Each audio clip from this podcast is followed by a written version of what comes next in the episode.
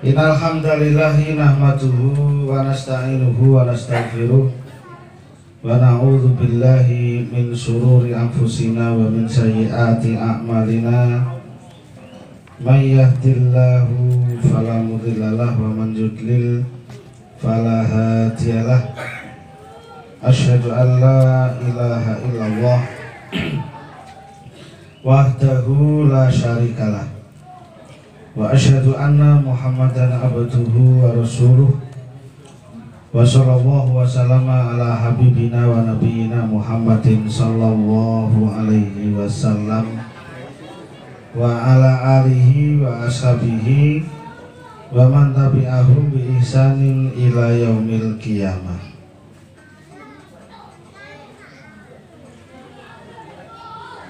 Qala Allah Ta'ala fi kitabil karim A'udhu billahi minasyaitanir rajim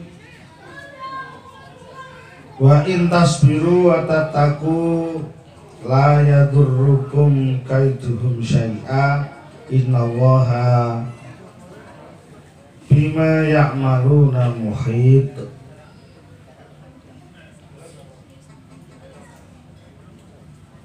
Suma qala Rasulullah sallallahu alaihi wasallam Inna Allah ta'ala yugharu wa ghairatullahi ta'ala ayatiyal mar'atu ma harramallahu alaihi. Hadratil muhtaramin para alim, para ulama sesepuh bini sepuh takmir masjid juga para ustadz sekalian yang dimuliakan oleh Allah Subhanahu wa taala. Bapak-bapak, ibu-ibu, saudara-saudara sekalian, keluarga besar KSPPS Yaumi Mas yang insya Allah diberkahi oleh Allah Subhanahu Wa Taala. Amin Allahumma Amin. Marilah pertama-tama kita senantiasa memanjatkan rasa syukur kita kepada Allah Subhanahu Wa Taala yang telah mengumpulkan kita di majelis ilmu sore hari ini di rumah Mas Abdul Wahid. Mudah-mudahan kecil langkah kita untuk mencapai sini gitu ya.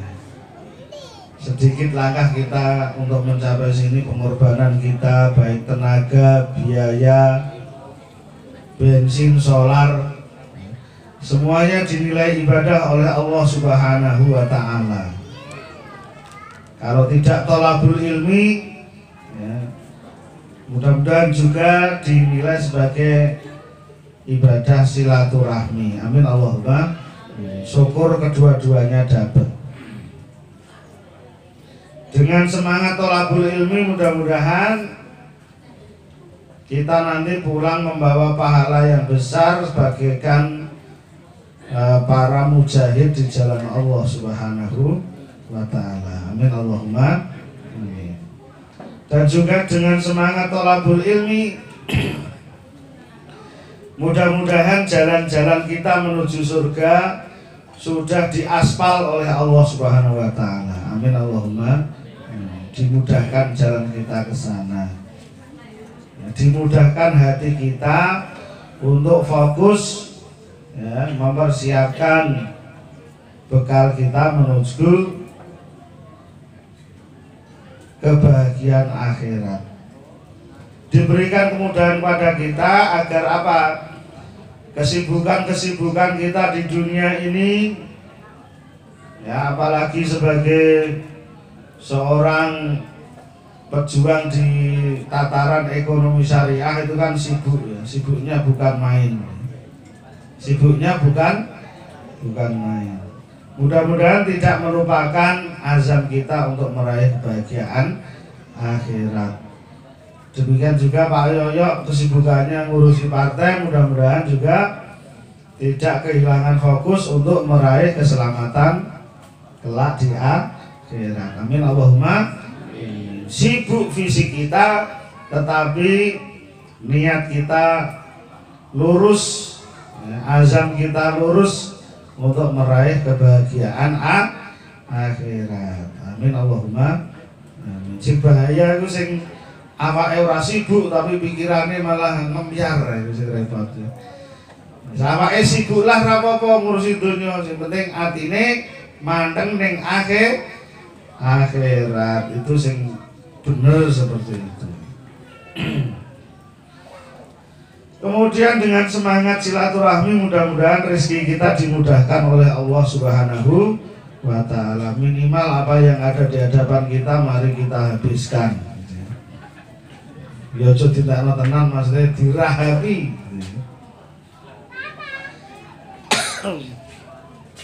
Dan juga dengan semangat silaturahmi mudah-mudahan umur kita panjang. Diberkahi umur pan panjang. Umur panjang bukan berarti nanti satu seket tahun orang mati-mati ngepleh-ngepleh ning tempat tidur tidak. Bukan berarti ya apa jenenge stroke berang-berang puluh tahun orang mari-mari tidak. Tetapi umur panjang dalam artian detik demi detik sisa umur kita bisa kita isi dengan ibadah-ibadah kepada Allah Subhanahu wa taala dari tidur sampai tidur tidur lagi ya. Karena itulah keutamaan umat Nabi Muhammad SAW bahwa 24 jam dalam sehari waktunya bisa bernilai ibadah. Yang penting anut tuntunan Rasulullah Shallallahu Alaihi Wasallam. Setiap aktivitas dimulai dengan doa minimal basmalah ya, dan setiap selesai aktivitas ya, diakhiri dengan ham. Nah, mudah-mudahan dengan demikian kita termasuk hamba-hamba Allah yang uh, memperoleh banyak manfaat dari sisa umur kita yang uh, tidak begitu lama lagi. Amin Allahumma Amin. Salawat serta salam senantiasa tercurah kepada junjungan Nabi kita, Nabi Agung Rasulullah Muhammad Sallallahu Alaihi Wasallam beserta seluruh keluarganya, para sahabat-sahabatnya, serta para pengikut dan pecinta sunnah-sunnahnya sampai kelak yaumil kiamah. Amin Allahumma. Amin. Baiklah saudara sekalian kita lanjutkan kajian kita masih tentang murokobah. Apa itu murokobah? Yaitu kita harus menjaga hak-hak Allah Subhanahu wa taala karena menyadari bahwa Allah mengawasi setiap gerak-gerik kita, mencatat semua amaliah-amaliah kita, tidak ada satupun yang terlewat. Ya. Menjaga Allah bukan berarti kita membawa senjata menjaga berjaga-jaga tidak, tetapi senantiasa memenuhi hak-hak Allah artinya menjalankan kewajiban kita sebagai Abdullah, sebagai hamba Allah di muka bumi karena kita tidak diciptakan di muka bumi ini kecuali hanya untuk beribadah. Wa ma khalaqtul jinna wal insa illa liya'buduni. Ya. Tidaklah aku ciptakan bangsa jin dan bangsa manusia itu illa liya'buduni kecuali hanya untuk beribadah kepadaku. Termasuk gawe BMT semini gede itu juga dalam rangka beribadah kepada Allah ya. Yaitu menjalankan syariat Allah di bidang ekonomi agar menjauhkan masyarakat kaum muslimin dari bahaya riba maka kita uh, membuat lembaga seperti lembaga kita itu ya. Nah, untuk itu karena kesadaran kita bahwa kita selalu diawasi oleh Allah, jangan sampai kita ngelirwake dawuh, jangan sampai kita meremehkan perintah-perintah Allah sekecil apa pun perintah tersebut.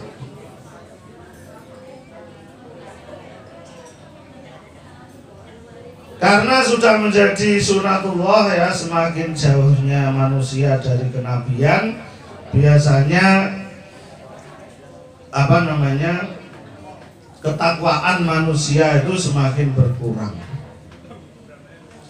Sebagaimana di dalam sebuah hadis yang diriwayatkan oleh Imam Al Bukhari ya, dari sahabat Anas bin Malik radhiyallahu anhu Beliau mengatakan kepada jamaah generasi kedua yaitu para tabiin kepada uh, kaum muslimin yang belum pernah bertemu dengan Rasulullah Shallallahu Alaihi Wasallam. Beliau mengatakan kepada mereka, Innakum la maluna akmalan Iya Adaku fi ayunikum minal sya'ri minas sya'ri kunna na'udduha ala ahdi Rasulillah sallallahu alaihi wasallam minal mubiqati. Yang artinya sahabat Anas bin Malik radhiyallahu anhu heran dengan perilaku manusia generasi kedua. Kalau para sahabat dan Nabi itu generasi per pertama. Innakum sesungguhnya kalian la maluna itu pastilah mengerjakan sapa kalian amalan.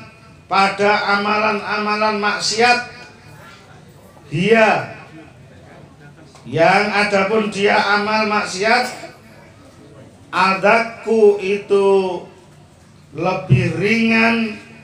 Fi ayunikum menurut pandangan mata kalian minas sa'ri dibanding sehelai rambut.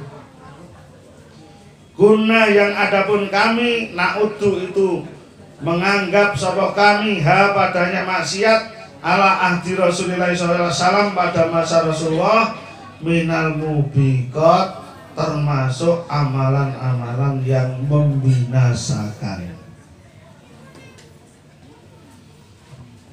Anas bin Malik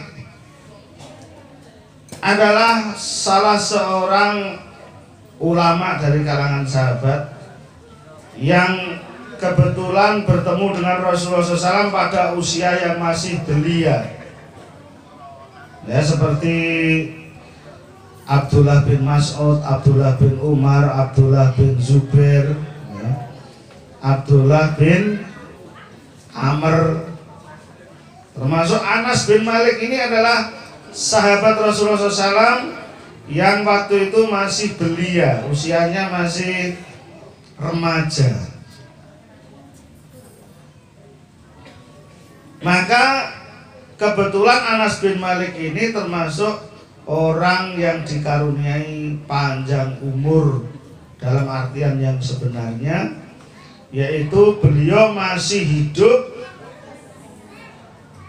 setelah sepeninggal Rasulullah SAW sekitar tis'ina sanatan sekitar 90 tahun setelah Rasulullah SAW wafat artinya pada waktu itu sahabat sudah sangat langka ya, bahkan hampir tidak ada yang ada adalah generasi kedua yaitu yang disebut tabiin yaitu murid-murid para sah para sahabat.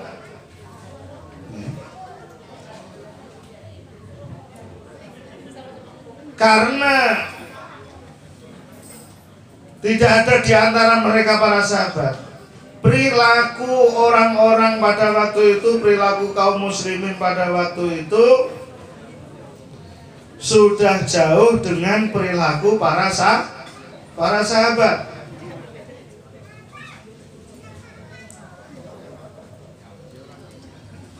Mereka mulai berani meninggalkan maksiat berani me, apa namanya meninggalkan perintah-perintah artinya sudah berani bermaksiat. Contoh yang paling mencolok dilihat oleh Anas bin Malik adalah kaum muslimin sudah berani meninggalkan sholat berja berjamaah. Pada waktu itu generasi kedua kaum muslimin sudah banyak yang meninggalkan menyepelekan sholat berja berjamaah di masjid. Mereka sudah mulai sholat sendiri-sendiri di rumah. Padahal menurut Anas perilaku seperti itu di zaman sahabat tidak ada. Ya, kecuali dilakukan oleh orang-orang munafik atau kaum muslimin yang sedang sa sakit, sedang safar atau sedang ada udur. Termasuk tolabul ilmi ini adalah salah satu hal yang e, membolehkan menunda sholat tapi harus berjamaah di masjid. Tidak boleh oh kan tolabul ilmi boleh nggak jamaah pada waktunya. Akhirnya udah mulai sholat di dewi ngomong nggak boleh meskipun tolabul ilmi boleh menunda sholat tetapi juga pelaksanaannya harus dilakukan berjam berjamaah nah maka pada waktu ini Anas bin Malik sangat terheran-heran dengan kaum muslimin yang mulai meninggalkan sholat berjamaah. Mereka menyelisih para sahabat dan Rasulullah SAW dengan melakukan sholat di rumah sendiri-sendiri. Terlalu berani meremehkan pentingnya sholat berjamaah berjamaah. Umat Islam sekarang bagaimana? Bagaimana umat Islam sekarang? Apakah sudah seperti yang digambarkan oleh Anas bin Malik? Wah, malah tambah parah. Tidak kok hanya meninggalkan sholat berjamaah. Sholat sisa menunggu banyak ditinggalkan oleh kaum mus muslimin. Naudzubillah min Balik. Maka marilah kita ya menanamkan pada diri kita tentang murokobah kepada Allah Subhanahu wa taala, menjaga perintah-perintah Allah Subhanahu wa taala dalam artian melaksanakan sekecil apa pun. Jangan sampai kita menyelisihi perilaku Rasulullah dan para sahabat. Karena Menyepelekan maksiat seperti itu termasuk perkara yang membinasakan. Siapa yang tidak merasa bersalah, siapa yang begitu mudah meninggalkan sholat berjamaah, maka binasalah. Maka binasalah agamanya. Itu perkara pertama yang diamati oleh Anas bin Malik. Perkara yang kedua yang menyebar luas di antara kaum muslimin adalah al-ghish. Apa itu al-ghish? Menipu. Berani menipu sesama saudara muslim sendiri.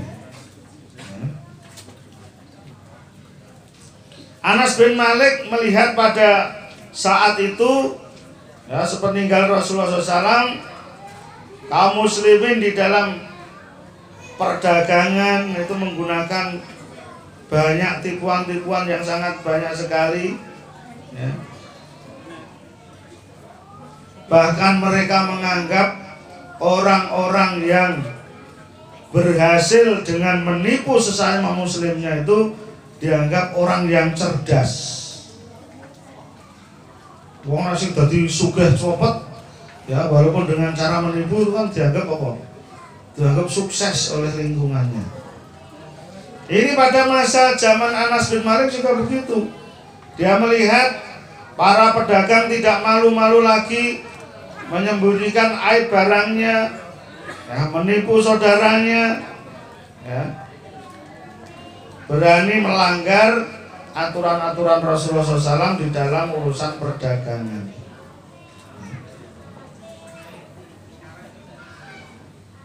Kemudian masalah yang diamati oleh Anas bin Malik yang kedua adalah dusta. Beraninya kaum muslimin berbicara dusta. Dusta itu apa? Mukhalafatul khobar bil waqi. Yaitu omongan atau kabar yang dibawanya tidak sesuai dengan kenyataan mereka sudah berani ngomong dusta ya. padahal dusta itu adalah perkara yang sangat besar termasuk dosa-dosa besar yang diperintahkan oleh Rasulullah SAW untuk dijauhi. Iyakum wal katiba Jauhilah oleh kalian berkata dusta.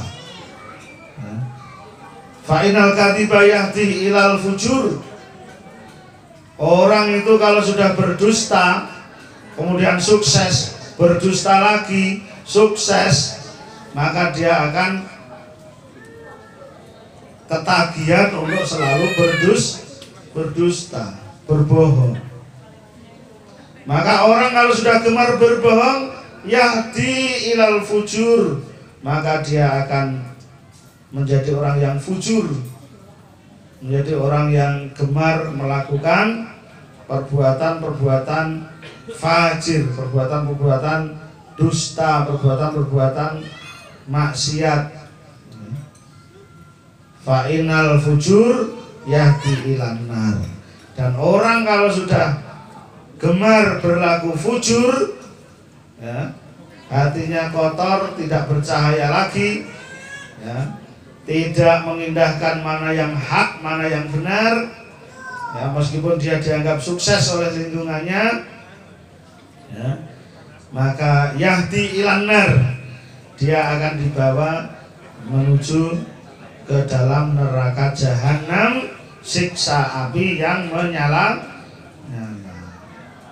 Tetapi pada masa Anas bin Malik pun ya, 90 tahun setelah sepeninggal Nabi kaum muslimin sudah kembali ke masa jahiliyah yaitu mudah untuk berdus berdusta ya. Bagaimana orang kaum muslimin sekarang? Apakah banyak yang berdusta? Wah, tambah parah sebenarnya. Tambah parah. Apalagi pada masa tahun-tahun politik ini ya kita banyak menyaksikan para pendusta coba nanti direkam apa namanya visi misinya dengan apa yang dilakukan nanti bertolak belakang. Kita ya hanya calon PBB yang yang jujur. Amin Allahumma. Yang menepati janjinya. Ya? nah, nanti Pak Yoyo akan apa namanya mengundi apa jenenge mengundi para para pendukungnya ini dengan follower. followernya ini dengan motor sama umroh kita ini aku apa daftar dari follower dan melu dan melu untuk undian ya mudah-mudahan caleg-caleg kita dijaga oleh Allah Subhanahu Wa Taala agar tidak menjadi ya, uh, apa namanya tidak ikut-ikutan menjadi para pembohong tadi. Naudzubillah min dari. Demikian juga menipu. Nah menipu ini ancamannya juga tidak kalah ngerinya. Nabi pernah ber, mengancam orang-orang yang suka menipu di dalam berdagang, di dalam muamalah. Kalau Rasulullah SAW, man ghosa falaisa. Ngeri lagi man gosa man sapa wonge gosa yang menipu ya dia tidak termasuk golonganku artinya tidak diakui sebagai umat Rasulullah Shallallahu alaihi Tidak termasuk orang-orang yang ditolong oleh Rasulullah SAW besok kalau mengalami kesulitan di akhirat. Naudzubillah min dari. Akan tapi karena degradasi iman ya 90 tahun setelah sepeninggal Rasul pun kaum muslimin sudah mengalami sudah banyak yang mengalami bukan lemah sahabat tapi lemah lemah iman. Kalau lemah sahabat masih ada obatnya. Lemah iman. Ini bahaya sekali. Ya. karena lemahnya keimanan seseorang maka mereka berani melakukan maksi maksiat.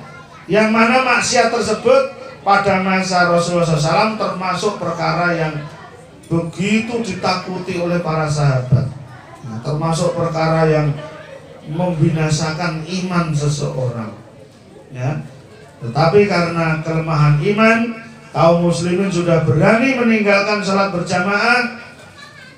Kaum muslimin sudah berani menipu sesama saudara seiman, berani berdusta ya untuk meraih apa yang uh, dia inginkannya. Inilah maka di tengah situasi yang demikian Anas bin Malik menyatakan innakum la ta'maluna a'malan hiya adakku fi ayunikum minasya'ri kunna na'udduha ala ahdi Rasulullah SAW minal mubiqat. Wahai kalian para tabi'in kaum muslimin sesungguhnya kalian telah melakukan maksiat yang besar yang pada masa Rasulullah SAW ini termasuk perusak-perusak keimanan.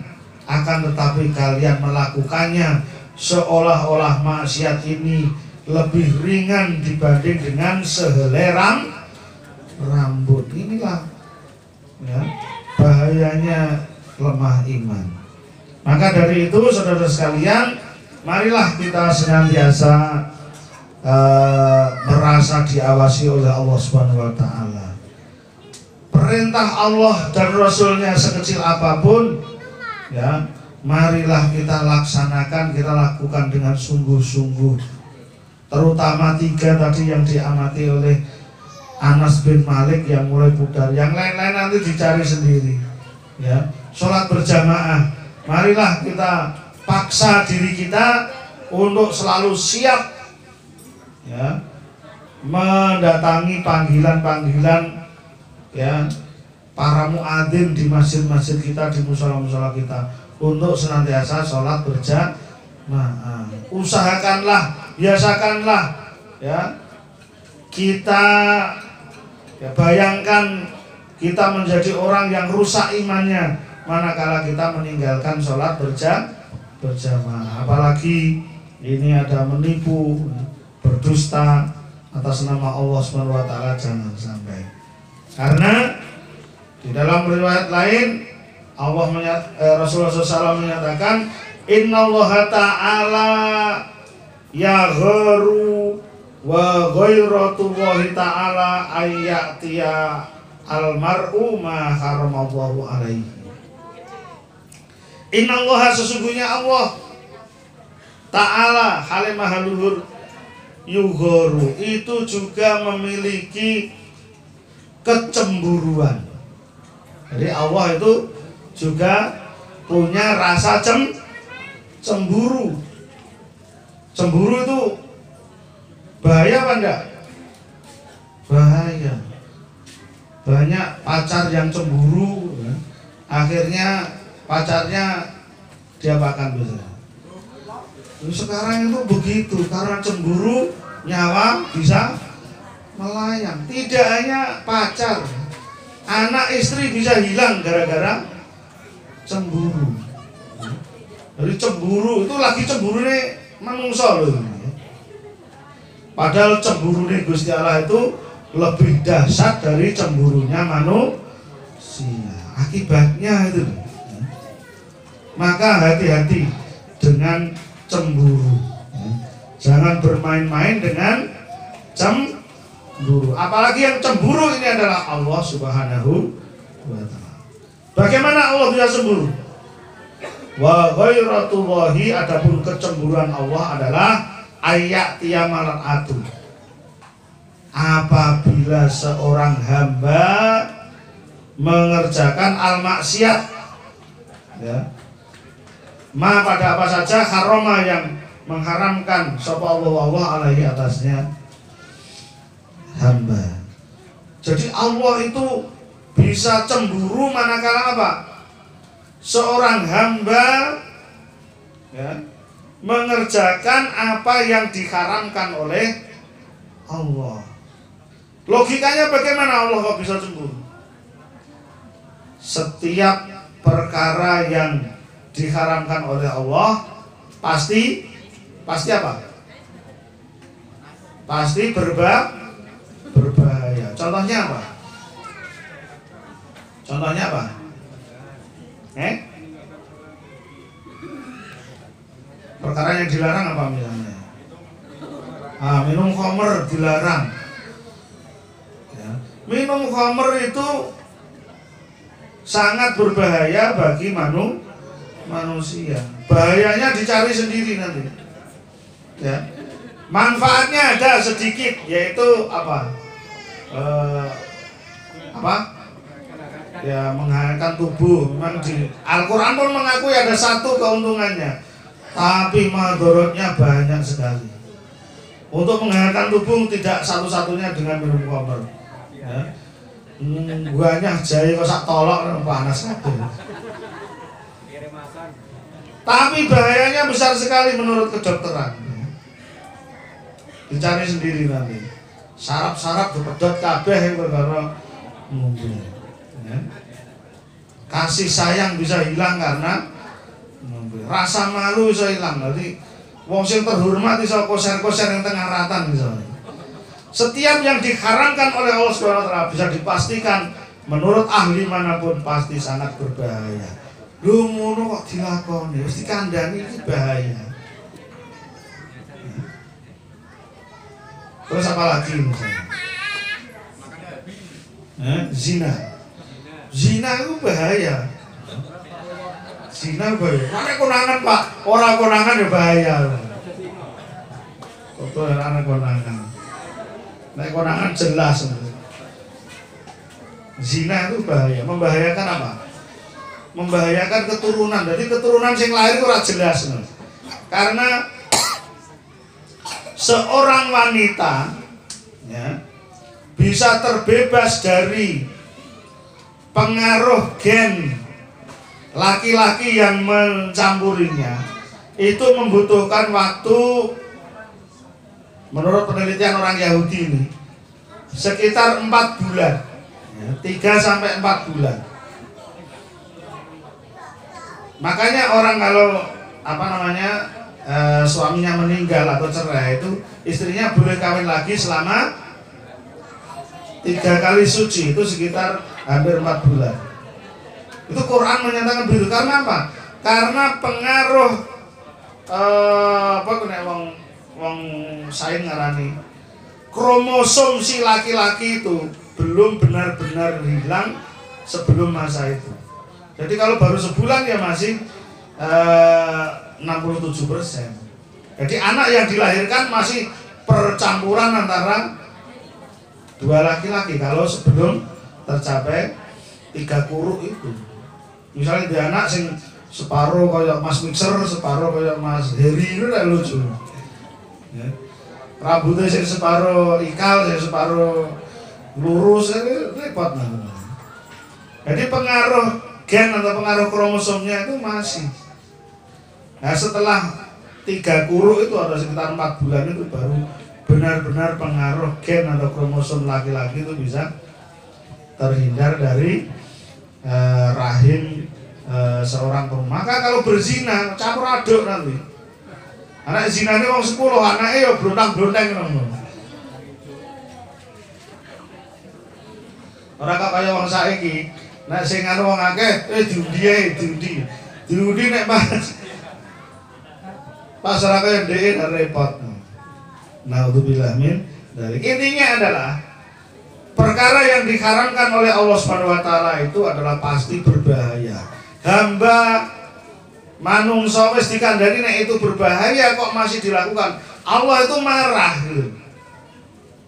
Cemburu maksudnya marah. Ya. Wong iki piye karepe? Dirawai membahayakan dirinya malah dilakukan dan lain sebagainya dari eh, banyaknya maksiat itu ya semuanya adalah hal-hal yang berbahaya ya. Adapun bahayanya apa? Itu biar manusia berkembang dipelajari sendiri. Sing mempelajari ini, ini biasanya orang orang Islam ya. kenapa babi dilarang? Penemuan di Thailand terakhir ya kalau yang sebelumnya kan cacing pita macam-macam lah itu bisa diatasi.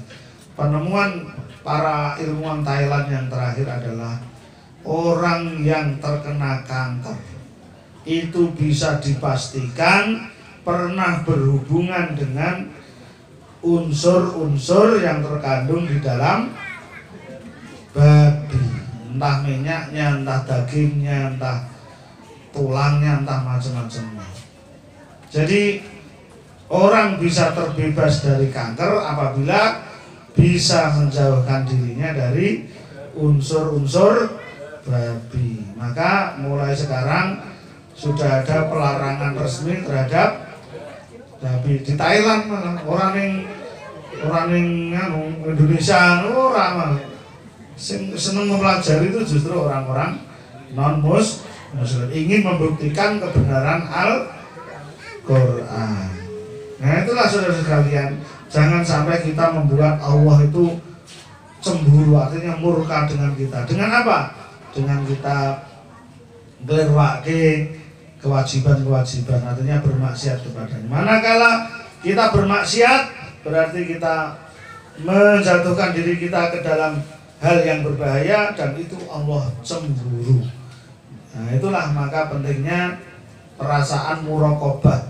Perasaan selalu diawasi dan dicatat oleh Allah Subhanahu wa taala agar kita ya tidak seperti umat setelah sepeninggal Rasulullah SAW itu ya, yang disinyalir oleh Anas bin Malik. Mudah-mudahan Allah Subhanahu wa taala memberi kekuatan kepada kita untuk senantiasa tunduk dan taat kepadanya ya patuh dan taat menjalankan ibadah-ibadah kepadanya sehingga kita tidak termasuk hamba-hamba Allah yang dimurkai. Amin Allahumma. Amin. Kurang lebihnya mohon maaf. Wassalamualaikum warahmatullahi wabarakatuh.